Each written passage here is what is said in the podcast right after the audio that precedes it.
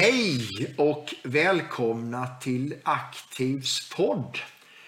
Eh, idag har vi äran att prata med Martin Kvist som är lektor i socialt arbete på Institutionen för socialt arbete vid Linnéuniversitetet och också medlem i Aktiv. Du eh, la för ett par år sedan fram en avhandling som vi ska prata om. Den heter Varken resurs eller problem om lågutbildade, om lågutbildade ungas etablering och försörjningsmöjligheter. Välkommen Martin! Tack så jättemycket, kul att vara här. Det låter bra. Vi ska prata lite om din avhandling och sådär och, och vi har eh, tanken är ju att ja, men vi ska gå igenom den lite grann och prata, inte så mycket kanske de, de rent vetenskapliga delarna med, med liksom metod och, och, och liksom teorival och sådär, utan på ett sätt som är lite mer anpassat till eh, yrkesverksamma. Skönt att bli klar. Ja, jätteskönt. Eh, Kul att ha jobbat några år också Ja, på Linnéuniversitetet. ja precis. Eh, för er som aldrig skrivit en avhandling eh, kan det ju beskrivas som väldigt mycket arbete Ja. under ganska lång tid. Precis. Toppar och dalar. Toppar och dalar, ja precis. Eh, sen vet jag att du också har, har hållit på med lite projekt sen avhandlingen, men, men vi kanske kan ta någon fråga om det eh, sen om vi hinner. Vi tittar lite hur, hur det går här. Jaha, din avhandling, vill du säga någonting om den? Ja, avhandlingen heter ju som du sa varken resurs eller problem. Eh, Och på ett övergripande plan så är, var mitt syfte då att undersöka lågutbildade ungas etablerings och försörjningsförutsättningar.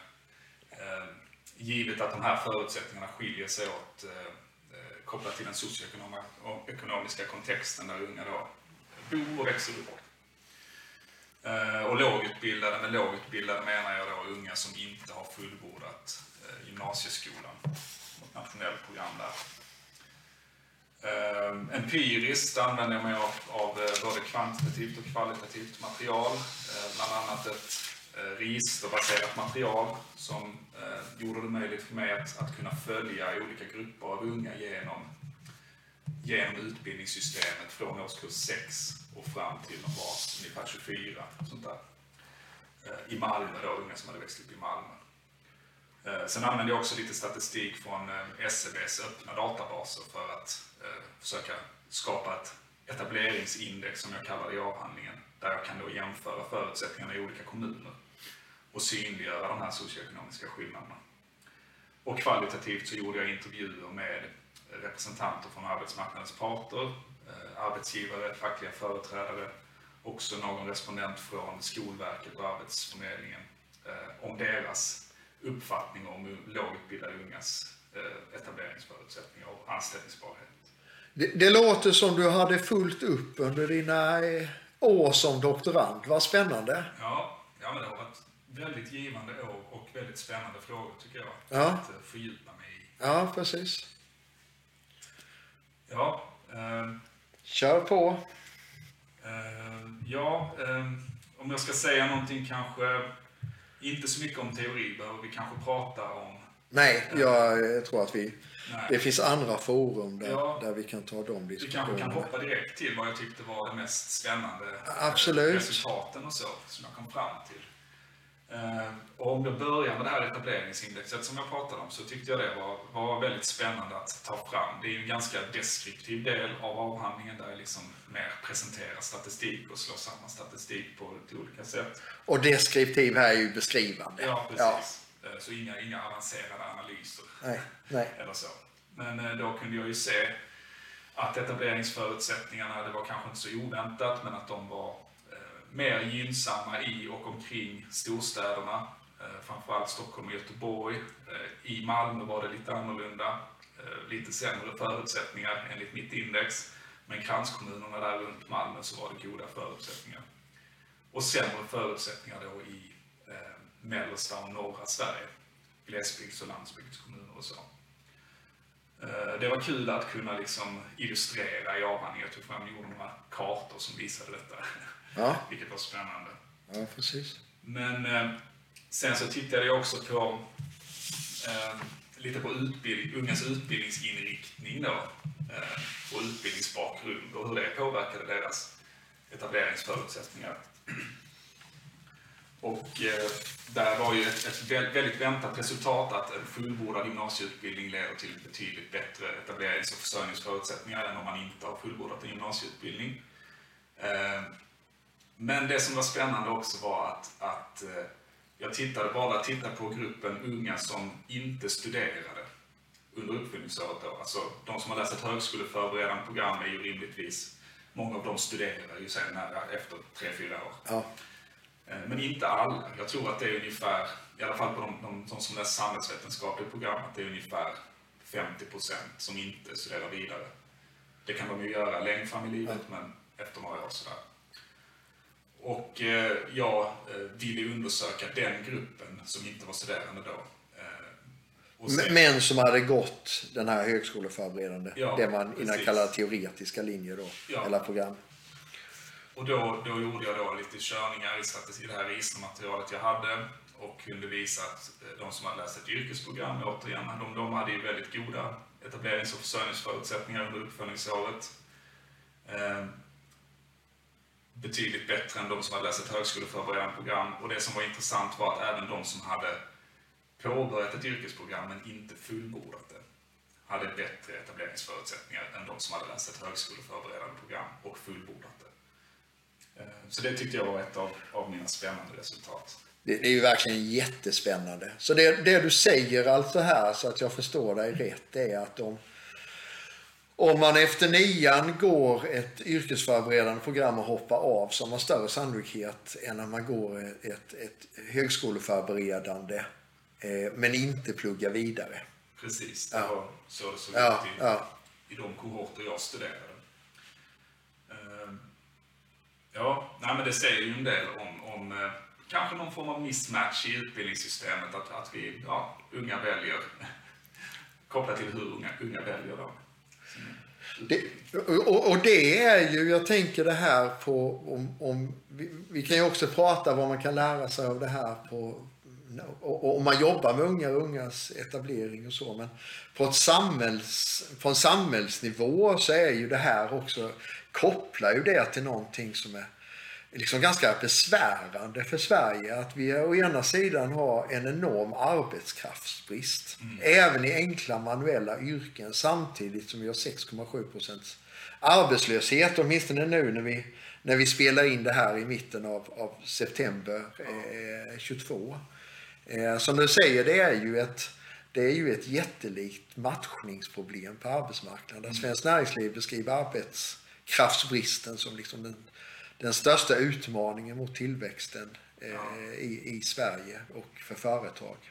Eh, så det, det, här är ju jättespännande resultat som liksom verkligen skär in mitt i, i, i samhällsdiskussionen. Absolut. Uh, ja, sen, sen, i avhandlingen gjorde jag ju också intervjuer då med arbetsföreträdare för arbetsmarknadens parter då.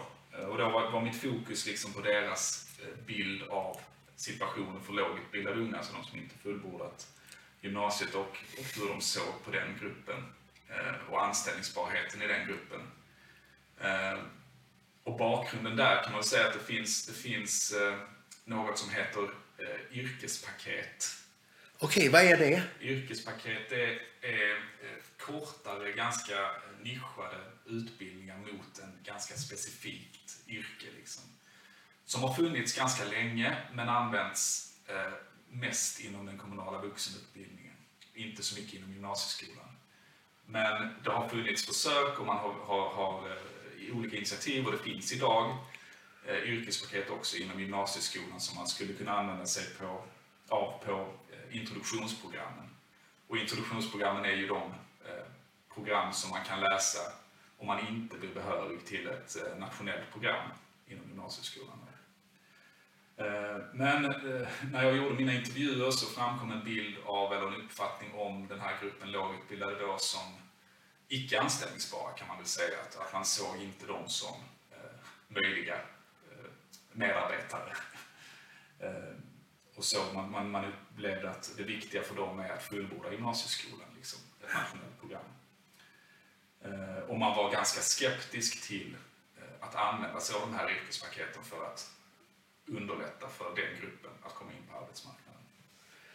Eh, jag, jag tänker, eh, ibland pratar man ju om att arbetsgivare ser gymnasieutbildningen som ändå någon slags test som visar att den unge kan liksom inordna sig i ett socialt sammanhang, ha liksom, ja, komma upp på morgonen och sköta sig och att, att man liksom eh, ja, det, det, blir, det, det, blir ett signalvärde i en gymnasieutbildning oavsett om, om man kanske utbildar till just det yrket som, som arbetsgivaren vill anställa. Så, hörde du några sådana utsagor bland, bland de här företrädarna? Jo, men det, det tror jag eh, var ganska genomgående. Att man liksom, eh, har, man, har man fullbordat ett gymnasieprogram oavsett vilket så har man visat att man kan dyka upp på samma ställe i tre år. och Man kan fullfölja eh, ett åtagande och då uppfattas man kanske som mer anställningsbar. Eh, och bilden av de här eh, på introduktionsprogrammet och de, eller de som inte har fullbordat gymnasieskolan är väl mer att de, ja, men då, då har man inte visat att man har de kvaliteter nej, som krävs nej, för att nej. man ska kunna få ett jobb. Liksom, nej, precis. Ett jobb. Ja. Så det, jo, men det tyckte jag det framkom ganska mycket. Mm. Inte så att man har någon liksom, missunnar den här gruppen någonting eller så, men den, den bild, och det är ju rätt, eller det kan man ju också, det finns ju nationalekonomiska mer teorier om det här och det är inte så konstigt från arbetsgivarens sida att man tänker på det sättet att man behöver, man har en produktion som man måste tänka på och den måste man upprätthålla och sådär. Mm, mm.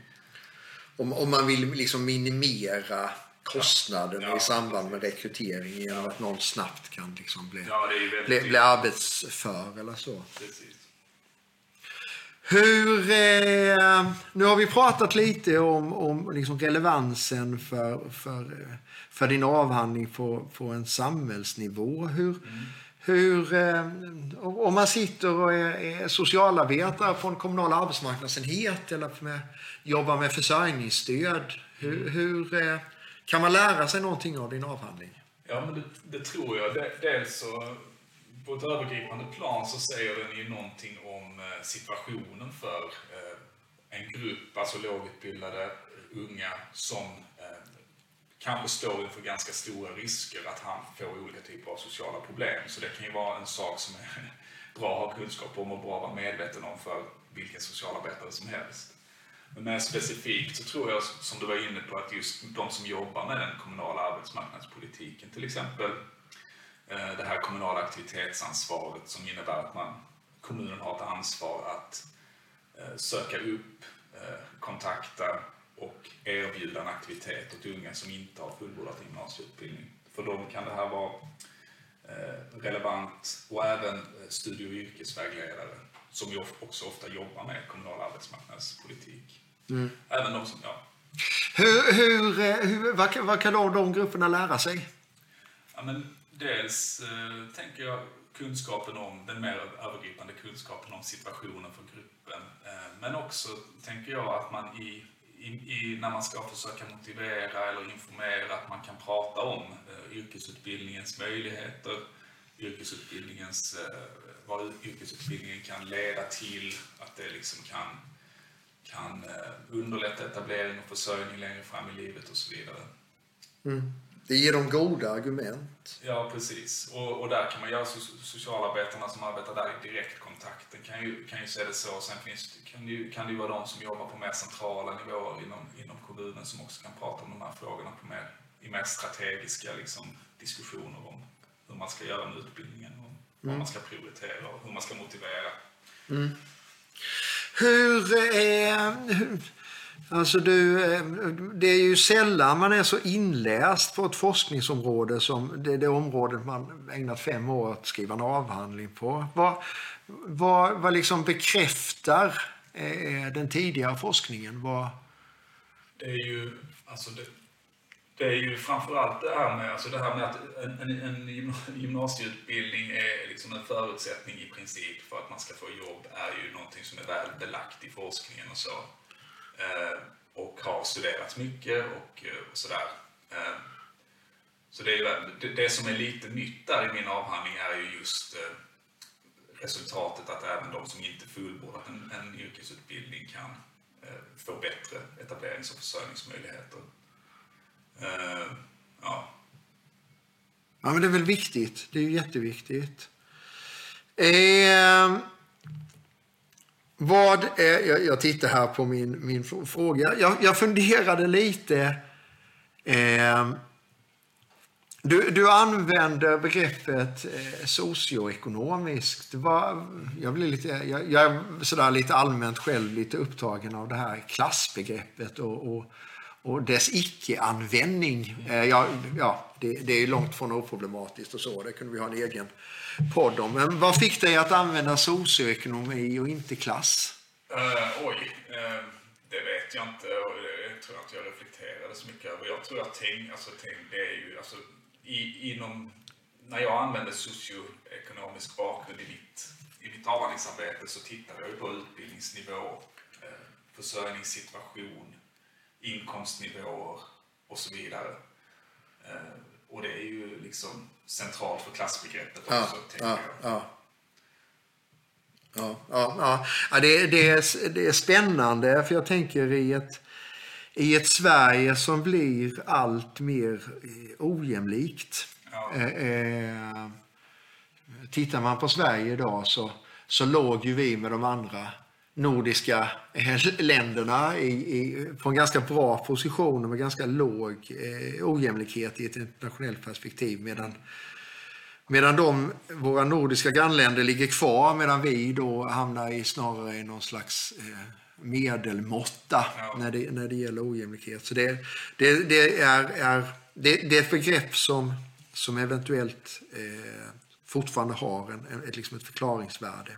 Ja, precis. Och det, givet om det, är så som, som det, den tidigare forskningen säger och som jag också diskuterade i min avhandling, att, att förutsättningarna att vinna liksom Sannolikheten för att du ska uppbära försörjningsstöd ökar om dina föräldrar gör det. Sannolikheten att du inte ska förvärvsarbeta ökar om dina föräldrar inte förvärvsarbetar och så vidare. Och sannolikheten att du ska läsa en högskoleutbildning ökar om dina föräldrar ja. så vidare och så vidare. Och givet att den liksom, splittringen ökar så ökar ju förmodligen också de, den problematiken. Ja, ja precis. Och våra liksom, levnadsvillkor och, och så ja, Ja, precis, precis. Eh, jag tänker så här. Du, du pratar om de här att, att du intervjuade eh, arbetsgivare och branschföreträdare och, och, politiker också som... Eh, nej, nej, inte politiker. Ja, tjänstemän ja. alltså mer då. Okay. Eh, jag tänker ibland så... så eh, alltså vilka skillnader upptäckte, prat, alltså upptäckte du systematiska skillnader om hur man såg på det här? Eller det, finns det rätt hög konsensus? Ja, ehm, man kan väl säga att Nej, men det, det, finns konsensus kring gruppens eh, alltså svårigheter och utmaningar för gruppen och att det här är ett betydande problem. Liksom. Sen finns det väl in, sen har man kanske lite olika uppfattning och bild av hur man bör hantera den här utmaningen. Liksom. Eh, jag pratade om yrkespaketen innan. Det är ju någonting som man från Skolverkets sida till exempel har velat använda som ett sätt, eller förespråkat som ett sätt för att underlätta för de som är på introduktionsprogrammen att komma ut i arbetslivet. Eh, och det var ju inte respondenterna från arbetsmarknadens parter särskilt sugna på. Liksom.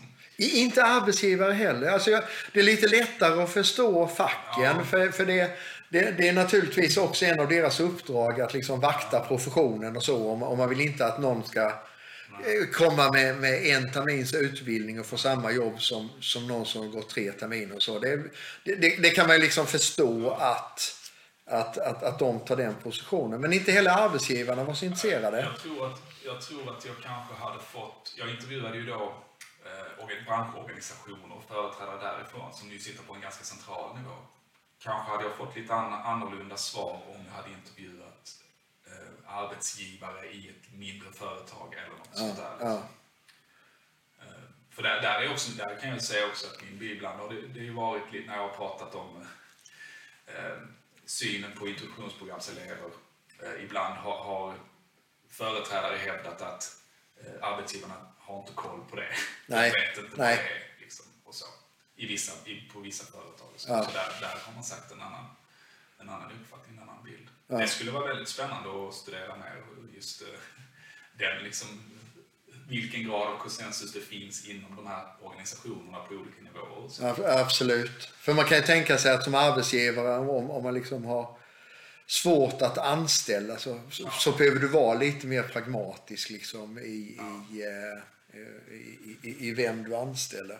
Det är ju överhuvudtaget en, en ganska spännande och också underbeforskad eh, del av, av arbetsmarknadspolitiken. Eh, det finns några få studier om den nationella politiken och de arbetslösa som som då Arbetsförmedlingen eh, bedömer står till arbetsmarknadens förfogande. Men, men eh, en, de, som står lite, de arbetslösa som står lite längre ifrån och kanske i, i ganska hög grad, beroende lite på var, var du bor, befinner sig i kommunen. Där finns ju i princip, där finns i princip ingen forskning och det är ju det, alltså det, det, är en spännande fråga. Nu när jag pratar om det så tänkte jag att vi får nästan ta en, en egen podd av det. Men man kan ju säga att det finns ju, det finns ju allt att vinna. Både för den som organiserar arbetsmarknadspolitik, även för de som står väldigt långt ifrån och för arbetsgivare i, i en situation med arbetskraftsbrist. Att liksom synka eh, eh, det.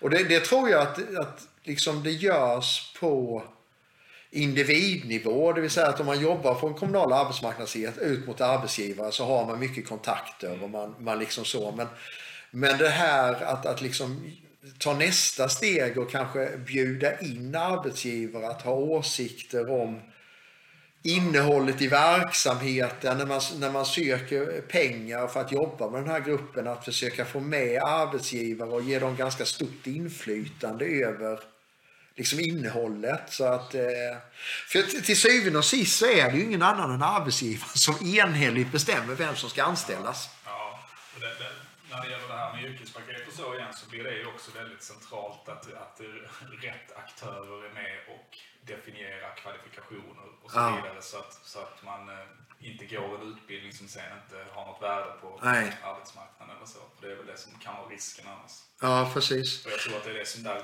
grundar sig nog också ibland lite den här skepsisen mot yrkespaketen. Ja, du, du menar att det är svårt att beskriva vad det är man vill ha? Ja, eller? precis. Och, och svårt att ta fram de här ska ju vara lite, de ska ju vara de heter nationella yrkespaket tror jag, men, men eh, det, det, kan ju vara så att det behövs liksom väldigt lokala, regionala eh, ja. paket liksom för att möta ett behov. Och vilket alla tjänar på. Jag menar, eh, eh, kan man göra något lokalt som, som anpassas till lokala arbetsgivare och folk kan gå vidare till arbete så är ju det naturligtvis kanon. Och sen, men här hamnar man ju också i den diskussionen som jag, jag upplever, eller när jag har skrivit om det här ämnet som jag in, från början inte trodde skulle vara så kontroversiellt, men som jag har upptäckt ändå är det ibland. Alltså att, eh, den, alltså det här med att, att eh, ska utbildningen vara till för att mätta ett behov på arbetsmarknaden eller är det till för individen att utvecklas till en bättre människa eller vad det nu kan vara. Ja. E-, eller är det för att liksom uppfostra framtida väljare och, ja. och, medborgare i liksom grundläggande demokratiska synsätt och, och, och så.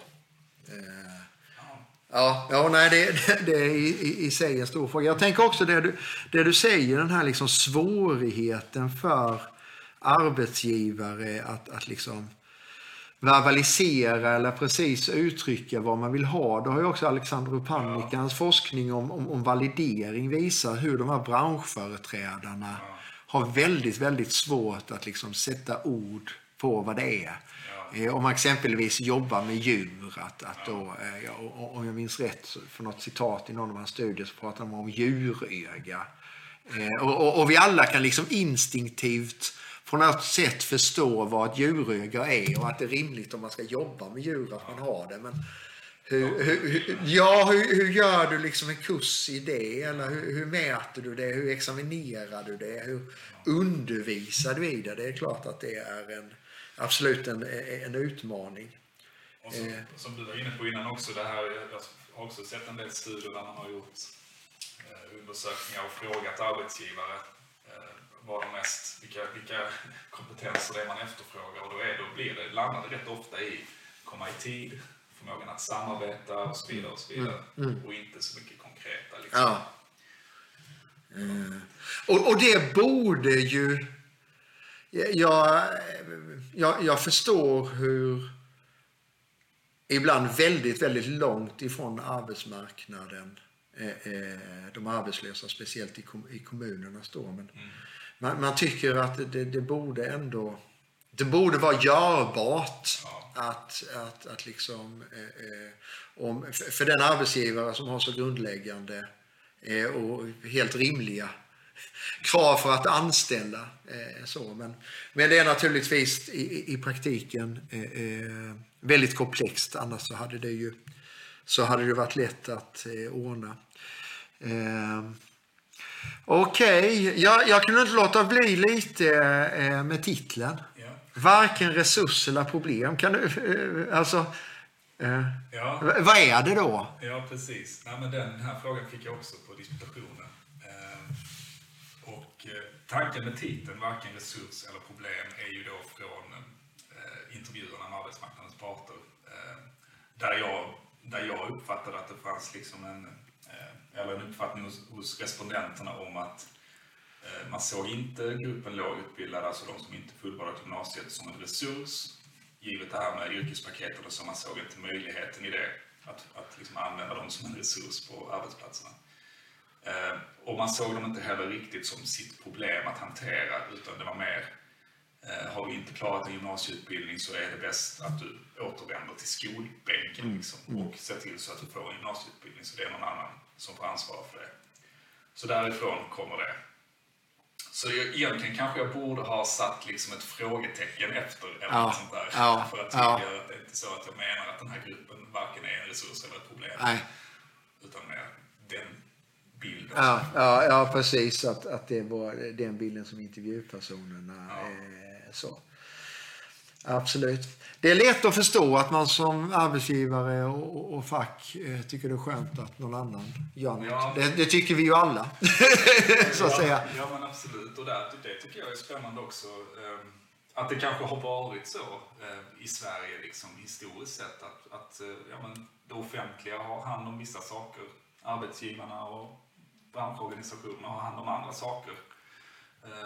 Och sen, men sen kanske samhället utvecklas och vi behöver hantera utmaningar på andra sätt och då, ja. Ja, då blir det ju spänningar. Liksom. Ja, precis.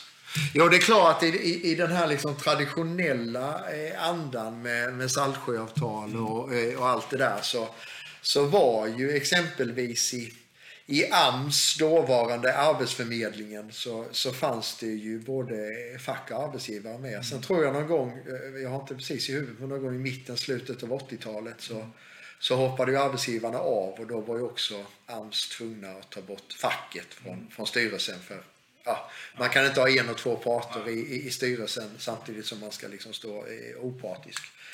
Eh, så, så det är klart, det har ju, det har ju förändrats. Eh, och sen har man väl liksom försökt hitta lite olika samarbetsmodeller och sådär. Men... Ja, och, och, och i, i, debatten i Sverige om yrkesutbildningar och så, så hör man ju ofta också, tycker jag, om eh, eh exempel från andra länder som Tyskland och i Danmarks system och sådär som skiljer sig en del från det svenska, eller mycket från det svenska. Och i de länderna tror jag där är min uppfattning att arbetsgivarna liksom, traditionellt sett också historiskt sett har varit mycket mer mm. involverade mm. i utbildningen och att ta fram utbildningar och utveckla utveckling, ja. utbildningsplaner och vidare. Och, och ta emot eh, eh, studenter eller elever från skolan på arbetsplatserna, så mm. lärlingssystem mm. och så, på ett mm. sätt som vi inte är vana vid i Sverige. Nej. På samma sätt. Det, det skulle också vara spännande att studera vidare, alltså de mer institutionella förutsättningarna liksom i, ute på arbetsplatser att liksom, ta emot mm, den här mm, gruppen. Och så. Mm, mm, För det är precis. inte bara någonting man bara kan göra. Nej. Det kräver ju naturligtvis stora insatser också från de mm. aktörerna. Ja, naturligtvis. Och, och, och på Alltså, det är klart för en individuell arbetsgivare så kanske det blir rationellt att inte göra det för man hoppas att grannföretaget gör det istället. Ja. Men på en, det är klart, på en kollektiv eh, makronivå så, så, så, så, blir det ju ekonomiskt rationellt kanske mm. i, i, i, längden. Vi pratade lite om att, att du har ändå du har fortsatt att forska på mm. Eh, en del. Nu vet jag att du också drar en tung börda på socionomprogrammet som, som, liksom som lärare. Men vad har du, kan du säga någonting om vad du har hunnit med sedan du disputerade? Ja, men en del har jag ändå hunnit med och lite också grundat i min avhandling och det materialet och så. Eh, en artikel som kommer nu, nu har jag tappat namnet på den, men den kommer i ett specialnummer i Socialmedicinsk tidskrift. Ja, ja. ja det, just det, det kommer ett, ett nummer om fattigdom ja, eh, där ja. Men det, det stora jag har gjort är väl ändå eh, tillsammans med min handledare Jonas Olofsson, eller före detta handledare, skrivit en rapport om eh, coronapandemins effekter för unga. Eh, som också kommer nu i oktober tror jag.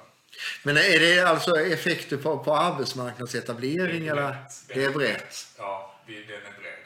En kunskapsöversikt. Liksom. Så att vi har tittat på, eller försökte ju vaska fram den forskning som hade kommit ja. förra hösten när vi ja. jobbade med den här ja. Eh, rapporten. Då.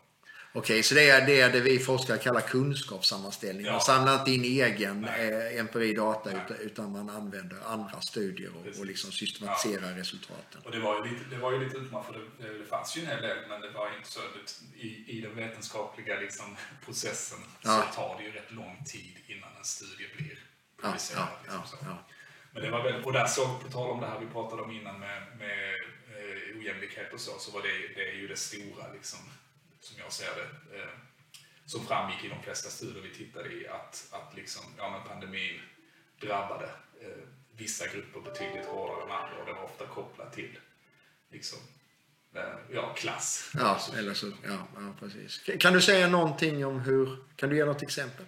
Ja, men det är ju så, när, när man talar om till exempel eh, utbildningssituationen för unga där vissa grupper eh, kanske hade betydligt sämre förutsättningar eh, att få stöd och hjälp hemifrån och så. När, när liksom, ja, det var väl mest en del på en del gymnasieskolor där det gick till liksom, distansundervisning under perioder. Ja. Där det kunde vara väldigt svårt för vissa grupper att få det att funka. Ja. Beroende på hur man bor och. Och, där, och där det också framkom en del rapporter att eh, det inte alls behövde vara någonting negativt för de grupperna som kanske hade goda förutsättningar att klara av ett sånt skifte. Liksom.